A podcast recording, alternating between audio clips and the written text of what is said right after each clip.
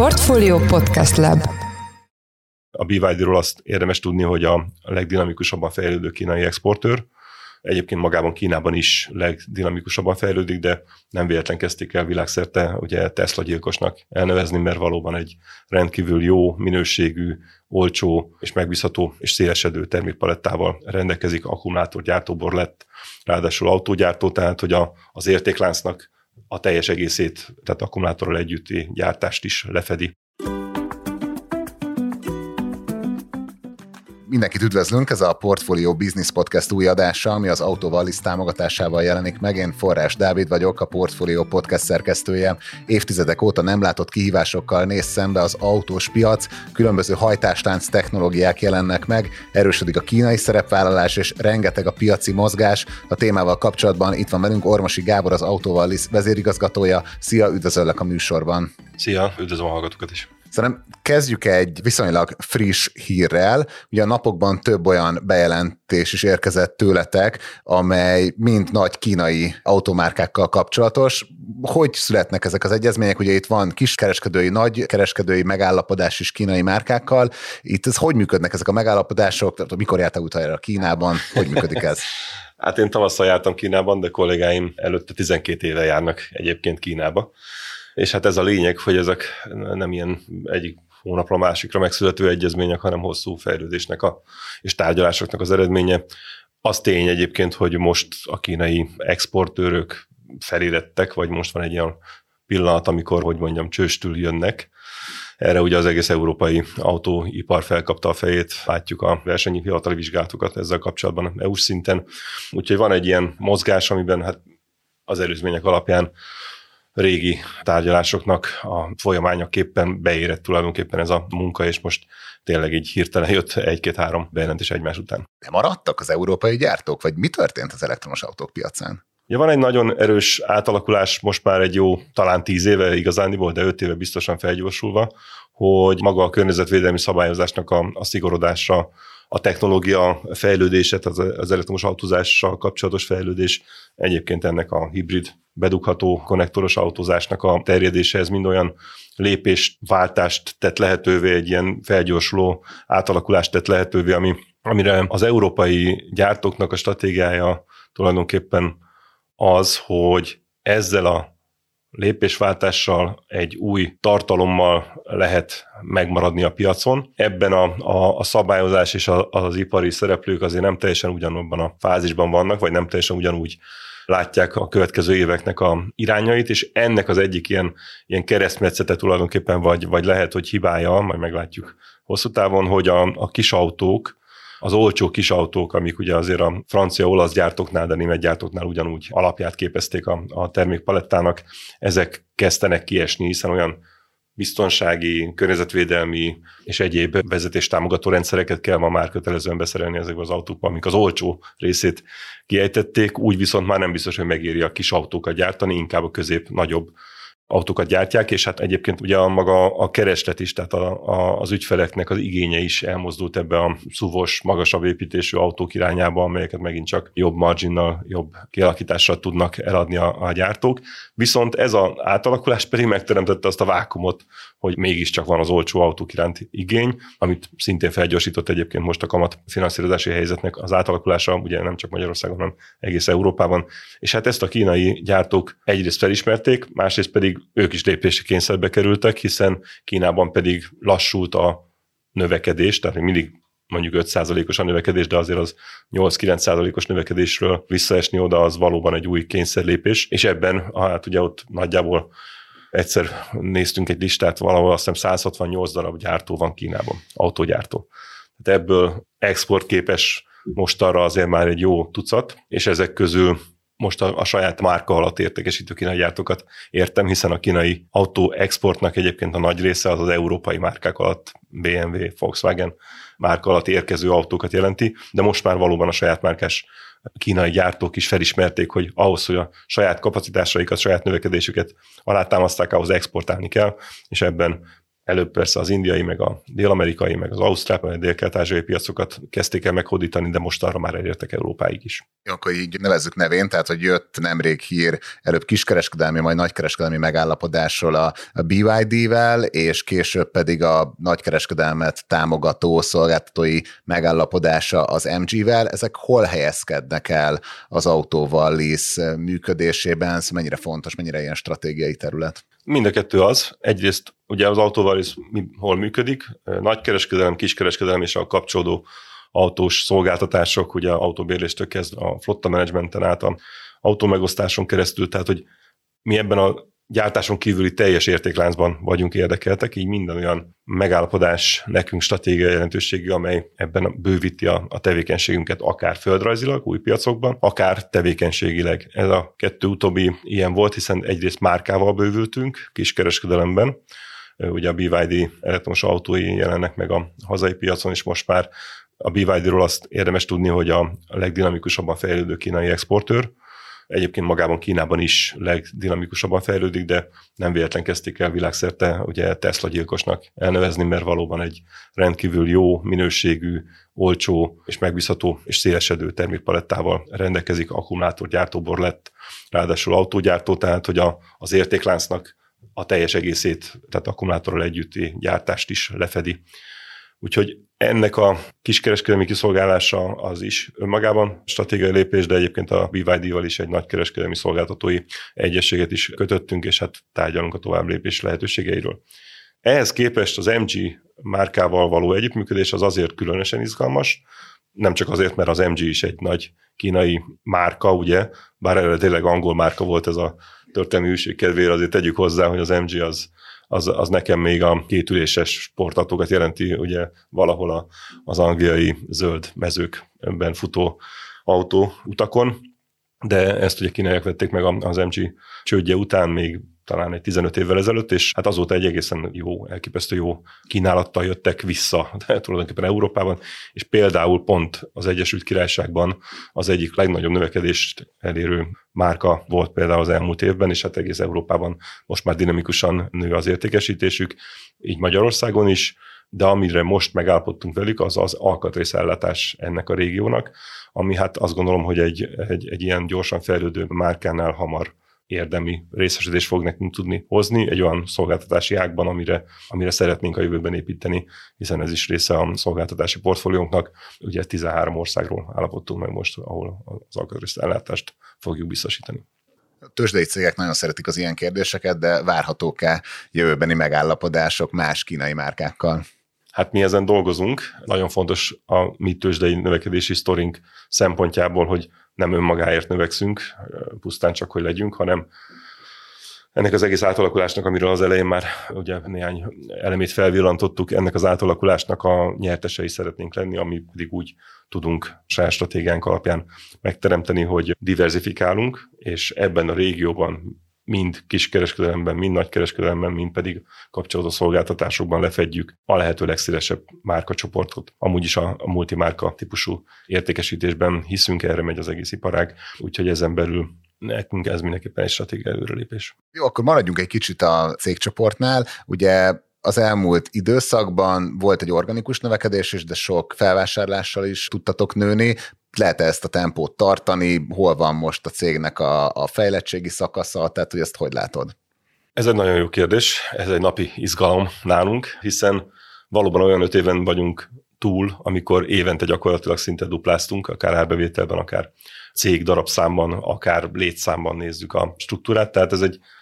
nagyon nagy kihívás, hogy hogyan tudjuk jól működtetni azt már, ami van. És ehhez képest a stratégiánk változatlan, tehát továbbra is azt látjuk, hogy érdemes növekedni, részvényes értéket tudunk növelni azzal, hogyha megyünk tovább, és a konszolidációban aktívan veszünk részt, tehát akvizíciókkal is bővítjük a, a tevékenységet. Magyarul úgy haladunk ugyanezzel a sebességgel tovább, hogy közben egyébként magát a, a működtetés és a, a megvásárolt tevékenységeknek az integrációját is meg kell tudjuk teremteni, le kell tudjuk vezényelni ennek a sok embernek az egy irányba való működtetését, és ráadásul még szinergiákat is ki kell használjunk, magyarul olyan működést kell megteremtenünk, ami olcsóban, hatékonyabban, stabilabban tud működni, mint a, mint a korábban megszerzett cégek összessége. Igen, ugye itt már 17 országban vagytok jelen. Tudsz valamilyen betekintést nyújtani abba, hogy mi az igazi komplexitása egy olyan céget vezetni, ami tényleg egy nagy régióban, de tulajdonképpen a saját régiónkon túl is jelen van? Igen, hát ugye ez az MG alkatrész megállapodás hozta el a saját 13 országos megállapodásában a, az ő értelmezésükben ehhez a régióhoz tartozott Görögország is, így ez bár nekünk nem volt a stratégiai térképünkön, de, de belefér. De ezek mind olyan lehetőségek, vagy ugyanígy a Sangyonggal, amikor megjelentünk Ausztriában is, ez sem volt a saját stratégiai fókuszunkban, de, de egy olyan lehetőséget adnak ezek a megállapodások, ezek az egyes tevékenységekben való kimozdulás, akár a, a régióból is, hogy ezekre építve aztán megnézzük, hogy hol van a, a vége. Az biztos, hogy a, a, a kor, tehát az alappiacainkon, ugye különösen itt a Magyarország és a környező országokat tekintve, Csehország, Szlovákia, Románia, ugye Szlovénia nagyon erős lábunk már most is, Horvátország, a Balkán, esetleg, illetve hát nem esetleg, hanem remélhetőleg hamarosan Lengyelország. Tehát ezek azok a biztos helyszínek, azok az országok, ahol működnünk kell. És ezekben az a cél, hogy minél több tevékenységet fedjünk le. Azaz, még ha meg is vásároltunk mondjuk egy céget mondjuk Szlovéniában. Már tárgyaltunk ugye a következő cégről, ma már ugye öt telephelyen működünk, hat márkával, tehát ez két év alatt fölépült egy olyan struktúra csak Szlovénián belül, ami önmagában is egy menedzsment kihívás működtetni, és mindezeknek együtt kell működni a magyar, illetve a többi országban folyó tevékenységünkkel. Úgyhogy ez nekem napi feladat, hogy ebben, ebben rendet próbálják tartani, teremteni, illetve egy új szintre emeljük ezt a rendet, hiszen tényleg 17 országban 30 céget átlátni nem ugyanaz, mint, mint korábban mondjuk 6 országban 5 és az ugye említetted, hogy nagykereskedelem, kiskereskedelem és az ezekhez kapcsolódó szolgáltatások, melyik lesz a hangsúlyosabb, vagy ezek mindig így, hát nem mondom, hogy párban, mert hárman vannak, de hogy így együtt járnak-e, tehát hogy mindenhol, mindennel? A cél az, hogy diversifikáljunk, tehát mindegyikben fejlődjünk tovább, mindegyikben új márkát, vagy új területet, új piacokat találjunk és szerezzünk meg, nem csak akvizícióval egyébként, hanem különösen a szolgáltatások terén azt gondolom, hogy akkorák lettünk már, hogy saját üzletfejlesztési elképzelésekkel is piacra tudunk lépni, és ebben is hamarosan, egyelőre nem tudom elárulni, de hamarosan jelentkezem majd új hírekkel. Tehát, hogy igen, a stratégiai cél az az, hogy ezek viszonylag párhuzamosan fejlődjenek, viszonylag kiegyensúlyozott legyen a, a tevékenység, hiszen pont ez biztosítja azt, hogy, hogy diversifikáltak vagyunk, és a, a piaci mozgásokat így tudjuk egyensúlyban tartani. Az egyik lelassul, másik akkor valószínűleg felgyorsul, akár földrajzilag nézzük a szerkezetet, akár, akár tevékenységek egymáshoz kapcsolódó tevékenységeken keresztül. Akkor ezt a részt valamennyire lezárva további felvásárlásokról ne kérdezzelek, mert úgysem mondasz semmit. Hát pontosan a szokásos választ tudom adni, hogy igen, még akár idén is lesznek ilyen bejelentéseink. Jó, de maradjunk egy kicsit a tőkepiaci jelenlétnél, mert ezt kevés magyar cég lépte meg, hogy így szeretne, vagy ezt a stratégiát folytatja a, a fejlődéshez. Te hogy jellemeznéd ezt a típusú jelenlétet? Ez milyen szerepet játszik a cég életében, illetve ugye most volt egy nagy részvénykibocsátásotok, ez milyen visszajelzést ad nektek? Hát ugye ez a mi sebességünket nézve már nem most volt, mert ugye 2021 végén volt, tehát most ez két éves a kibocsátás, de valóban a tőzsdei szerep az egy ilyen végig erősödő és folyamatosan egy stratégiai irányt önmagában is definiáló támasz és, és célkövetés, mert az, hogy transzparensen kell működjünk, az, hogy folyamatosan minden stakeholder, aki velünk együtt dolgozik, akár a bankok, akár maga a tőzsdei befektetők, akár maguk a piaci szereplők, akik emiatt tudnak máshogy ránk tekinteni, például azzal, hogy ezen a transzparencián keresztül, meg az átlátható számainkon keresztül ugye el tudják fogadni, hogy valóban régióban megkerültetten szereplőkké váltunk, és ezt már tényként merem állítani. Ebben újabb és újabb lehetőségek, stratégiai együttműködési lehetőségek merülnek föl. Nem vagyok benne biztos, hogy például ezek a most bejelentett kínai megállapodások létre tudtak volna jönni egy tőzsdei szerephez kötődő növekedési sikersztori nélkül. Nekünk a tőzsde az természetesen pénzt is hozott, hiszen ennek az elsődleges célja mindig is az volt, hogy, hogy forrásokat lehessen ezen keresztül bevonni, és ez az, amit említettél, ugye a, a nagy tőke bevonásunk 2021 végén, ugye ami a legnagyobb lakossági kibocsátás volt, de emellett ez volt az a gondolkodás és transzparencia szükséget, amivel a kötvény kibocsátásainkat is meg tudtuk alapozni, hiszen most már több körben bocsátottunk ki kötvényeket, meglehetősen jó piaci feltételekkel hosszú távra, tehát ez is egy olyan stabilitást biztosított, és most nem csak arra a 20 milliárd forintra gondolok, amit konkrétan bevontunk, hanem az ehhez kapcsolódó együttműködések, finanszírozói, támogatói lehetőségek. Tehát ma már mondjuk az, hogy Csehországban vagy Romániában elmegyünk ottani bankokkal tárgyalni, mindenhol megnyílnak az ajtók, pusztán amiatt, mert ismerhetnek, ismernek, meg tudnak nézni minket, utána tudnak könnyen járni, hogy mit csináltunk eddig. Van egy része a tevékenységeteknek, amiről eddig nem beszéltünk, ami a mobilitási portfólió. Ezt hogy látod, hogy ez a terület milyen helyen lesz a jövőben az autóval lész térképén? Ugye mennyire van ebben növekedési potenciál, mert ugye ezt sokan használják, sok ügyfélet lehet vele gyűjteni, de kicsit olyan sűrű fillér elvének tűnik a többi tevékenységetekhez képest. És ez az előnye is, meg a hátránya is persze természetesen, de ez az előnye is, hiszen a, az átalakulás, amiről ugye az elején már beszéltünk, ez az egész autóipari átalakulásnak az egyik éppen nem említett eleme egyébként az volt, vagy az most már megint csak jó pár éve, hogy a,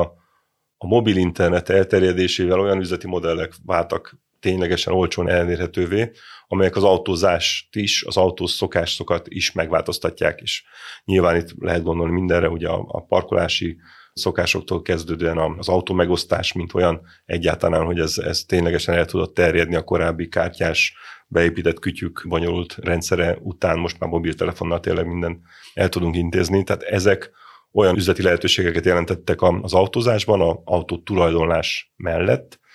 amelyek a korábbi flotta menedzsment és bérleti szokásokat teszik olyan ügyfelek számára is elérhetővé, akik korábban, a korábbi, hogy mondjam, ilyen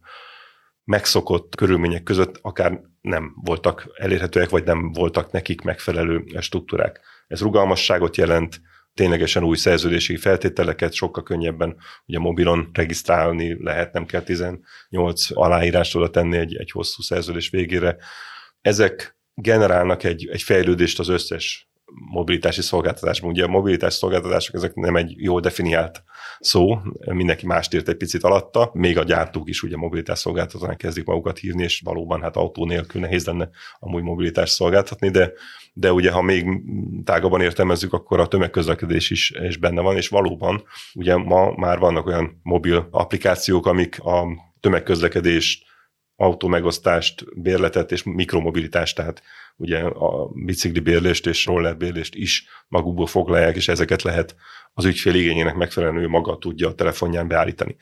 Na most pont ezért, mert ez egy ilyen rugalmas, és valójában most elterjedő szolgáltatás csomag, vagy portfólió. Én hiszek abban, hogy ez rettenetes nagy fejlődés előtt áll itthon is. Nem fogunk ebben a régióban továbbra sem piacvezetők lenni, megvan Amerikában, meg Nyugat-Európában azok a innovátorok, akik nagy pénzeket tudnak ezeknek a, a piac képességébe belefektetni, de mi szeretnénk ebben viszont a régión belül piacvezető másolók vagy adaptálók lenni, ezért is működünk együtt nagy franchise nevekkel, mint például a mobilitásban a Sernával, vagy ugye autóbérlésben a Sixtel, mert ők azokat a fejlesztéseket meg tudják tenni, amiknek az itteni alkalmazásával mi viszont gyorsan és, és akár piacvezető pozícióban is tudunk működni. De ezeknek folyamatos a fejlődése, folyamatosan látom azt, vagy érzem azt, hogy ebben érdemes fejlődni. Nem forradalmi módon, mert azt gondolom, hogy az autó tulajdonlásnak, az autó eladásnak, értékesítésnek továbbra is lesz piaca, jelentős, ezek lassú átalakulások, ugye tényleg fogyasztói szokásoknak az átalakulásáról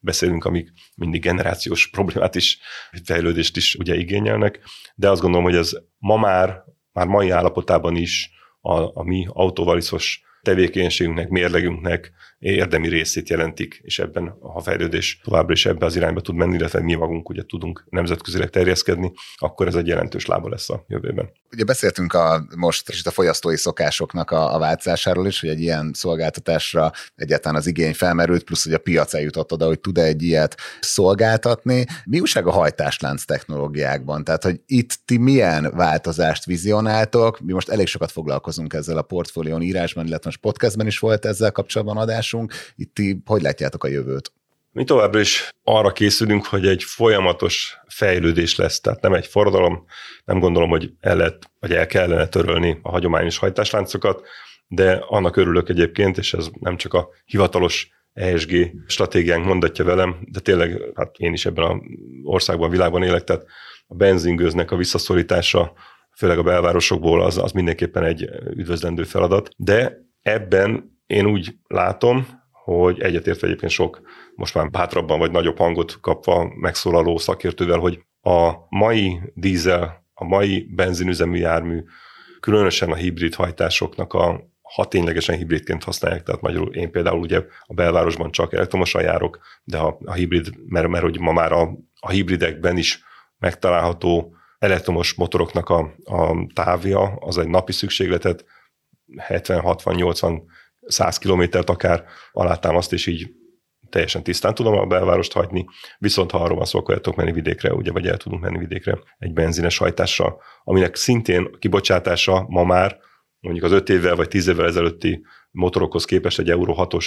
pláne majd egy Euro 7-es kibocsátási szint az olyan alacsony, hogy ez a probléma nem a lakossági közlekedés már, tehát ha még tisztábbá akarjuk tenni a levegőt, meg a környezetet, akkor a többi, tehát a repülés, a teherszállítás, energia előállítás mezeire kell lépni a szabályozónak is. Azt gondolom, hogy az autóipar ebből a szempontból nagyot lép előre. Tehát amire én valójában a kérdésre is válaszoljak számítok, az az, hogy az elektromos autózásra terjedni fog folyamatosan, azon belül lényeges és hosszan szerepet kapó rész lesz a hibrid hajtásoknak a, a terjedése is, és meg fognak maradni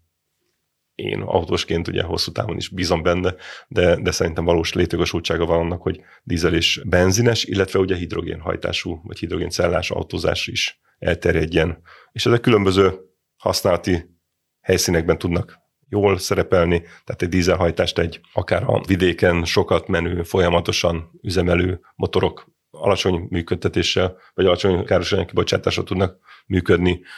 de mondjuk a belvárosban nem kell beengedni őket, a benzinhajtású járműveknek a mai szennyezése az, az sok szempontból előnyös, de azokat sem kell feltétlenül e, mindenhol használni, de hibrid kiegészítéssel teljesen elműködnek a városon belül is, és hát az elektromos autóknak pedig valóban egyre nagyobb a, a létjogosultsága, sok olyan helyzet van, például autómegosztásban is, de, de sok olyan második autóként használva, vagy sok olyan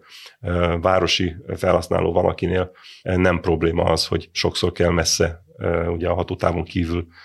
is menni, és hát remélhetőleg nyilván az infrastruktúra is előbb-utóbb alá kerül, tehát hogy tényleg lesznek gyors töltők, amikkel olcsón és kiszámíthatóan lehet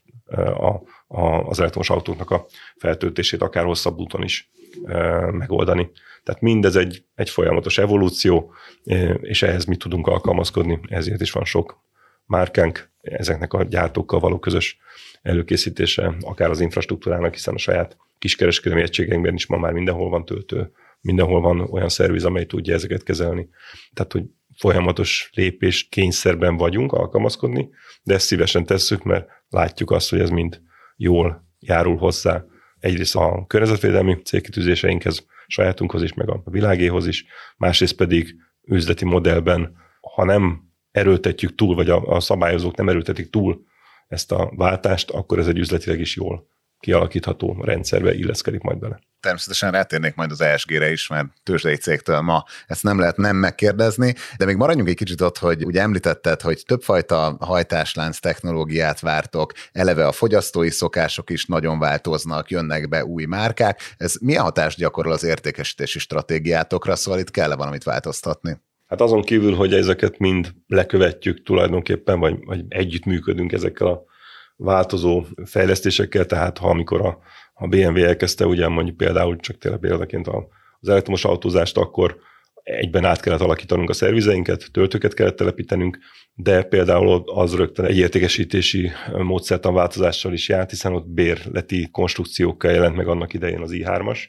Eleve ez egy ügynöki modell, már így mondjuk, mert ez az elterjedt kifejezése, tehát egy ügynöki modellben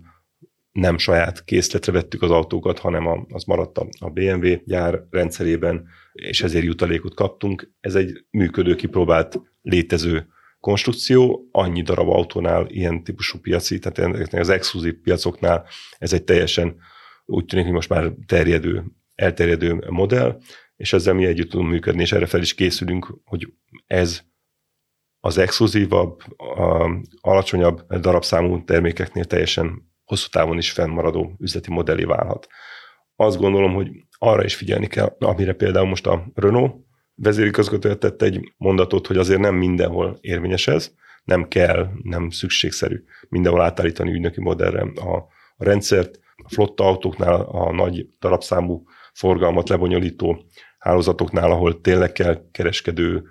együttműködés, ott a hagyományos modellnek a szabályozottabb, tehát a digitális értékesítési csatornákat is kiszolgálni képes és nem megzavaró készletgazdálkodása, az továbbra is stratégiailag is időtávon is fennmaradó megoldás lehet. Tehát nekünk arra, ebből az következik, hogy arra kell felkészülnünk, hogy egymás mellett élő üzleti modelleket kell tudnunk kezelni. Ugye említetted, vagy már behoztad az ESG irányelveket, ami a hajtásnál technológiák változásával gyakorlatilag egy autós cégnek így önmagától megoldja a, ezeknek az irányelveknek a működésbe való integrálását, vagy itt mik a stratégiai elemek? Kis túlzással igen egyébként, mert a, egyrészt maguk a tényleg hajtáslánc változás az önmagában is a saját flottánkban is csökkenti a károsanyag kibocsátást, már pedig miért ne vennénk saját autónkat. Ugyanakkor a gyártóknak, a gyártó együttműködő partnereinek is folyamatosan erősödnek az ESG elvárásai, tehát így nekünk, ha szerződésben akarunk maradni, akkor lelkesen együtt kell működni ezekben a célkidőzésekben, és hát a harmadrészt pedig tényleg saját kútfőből is, hiszen a saját ingatlanjainkat is úgy építjük, úgy fejlesztjük, és már az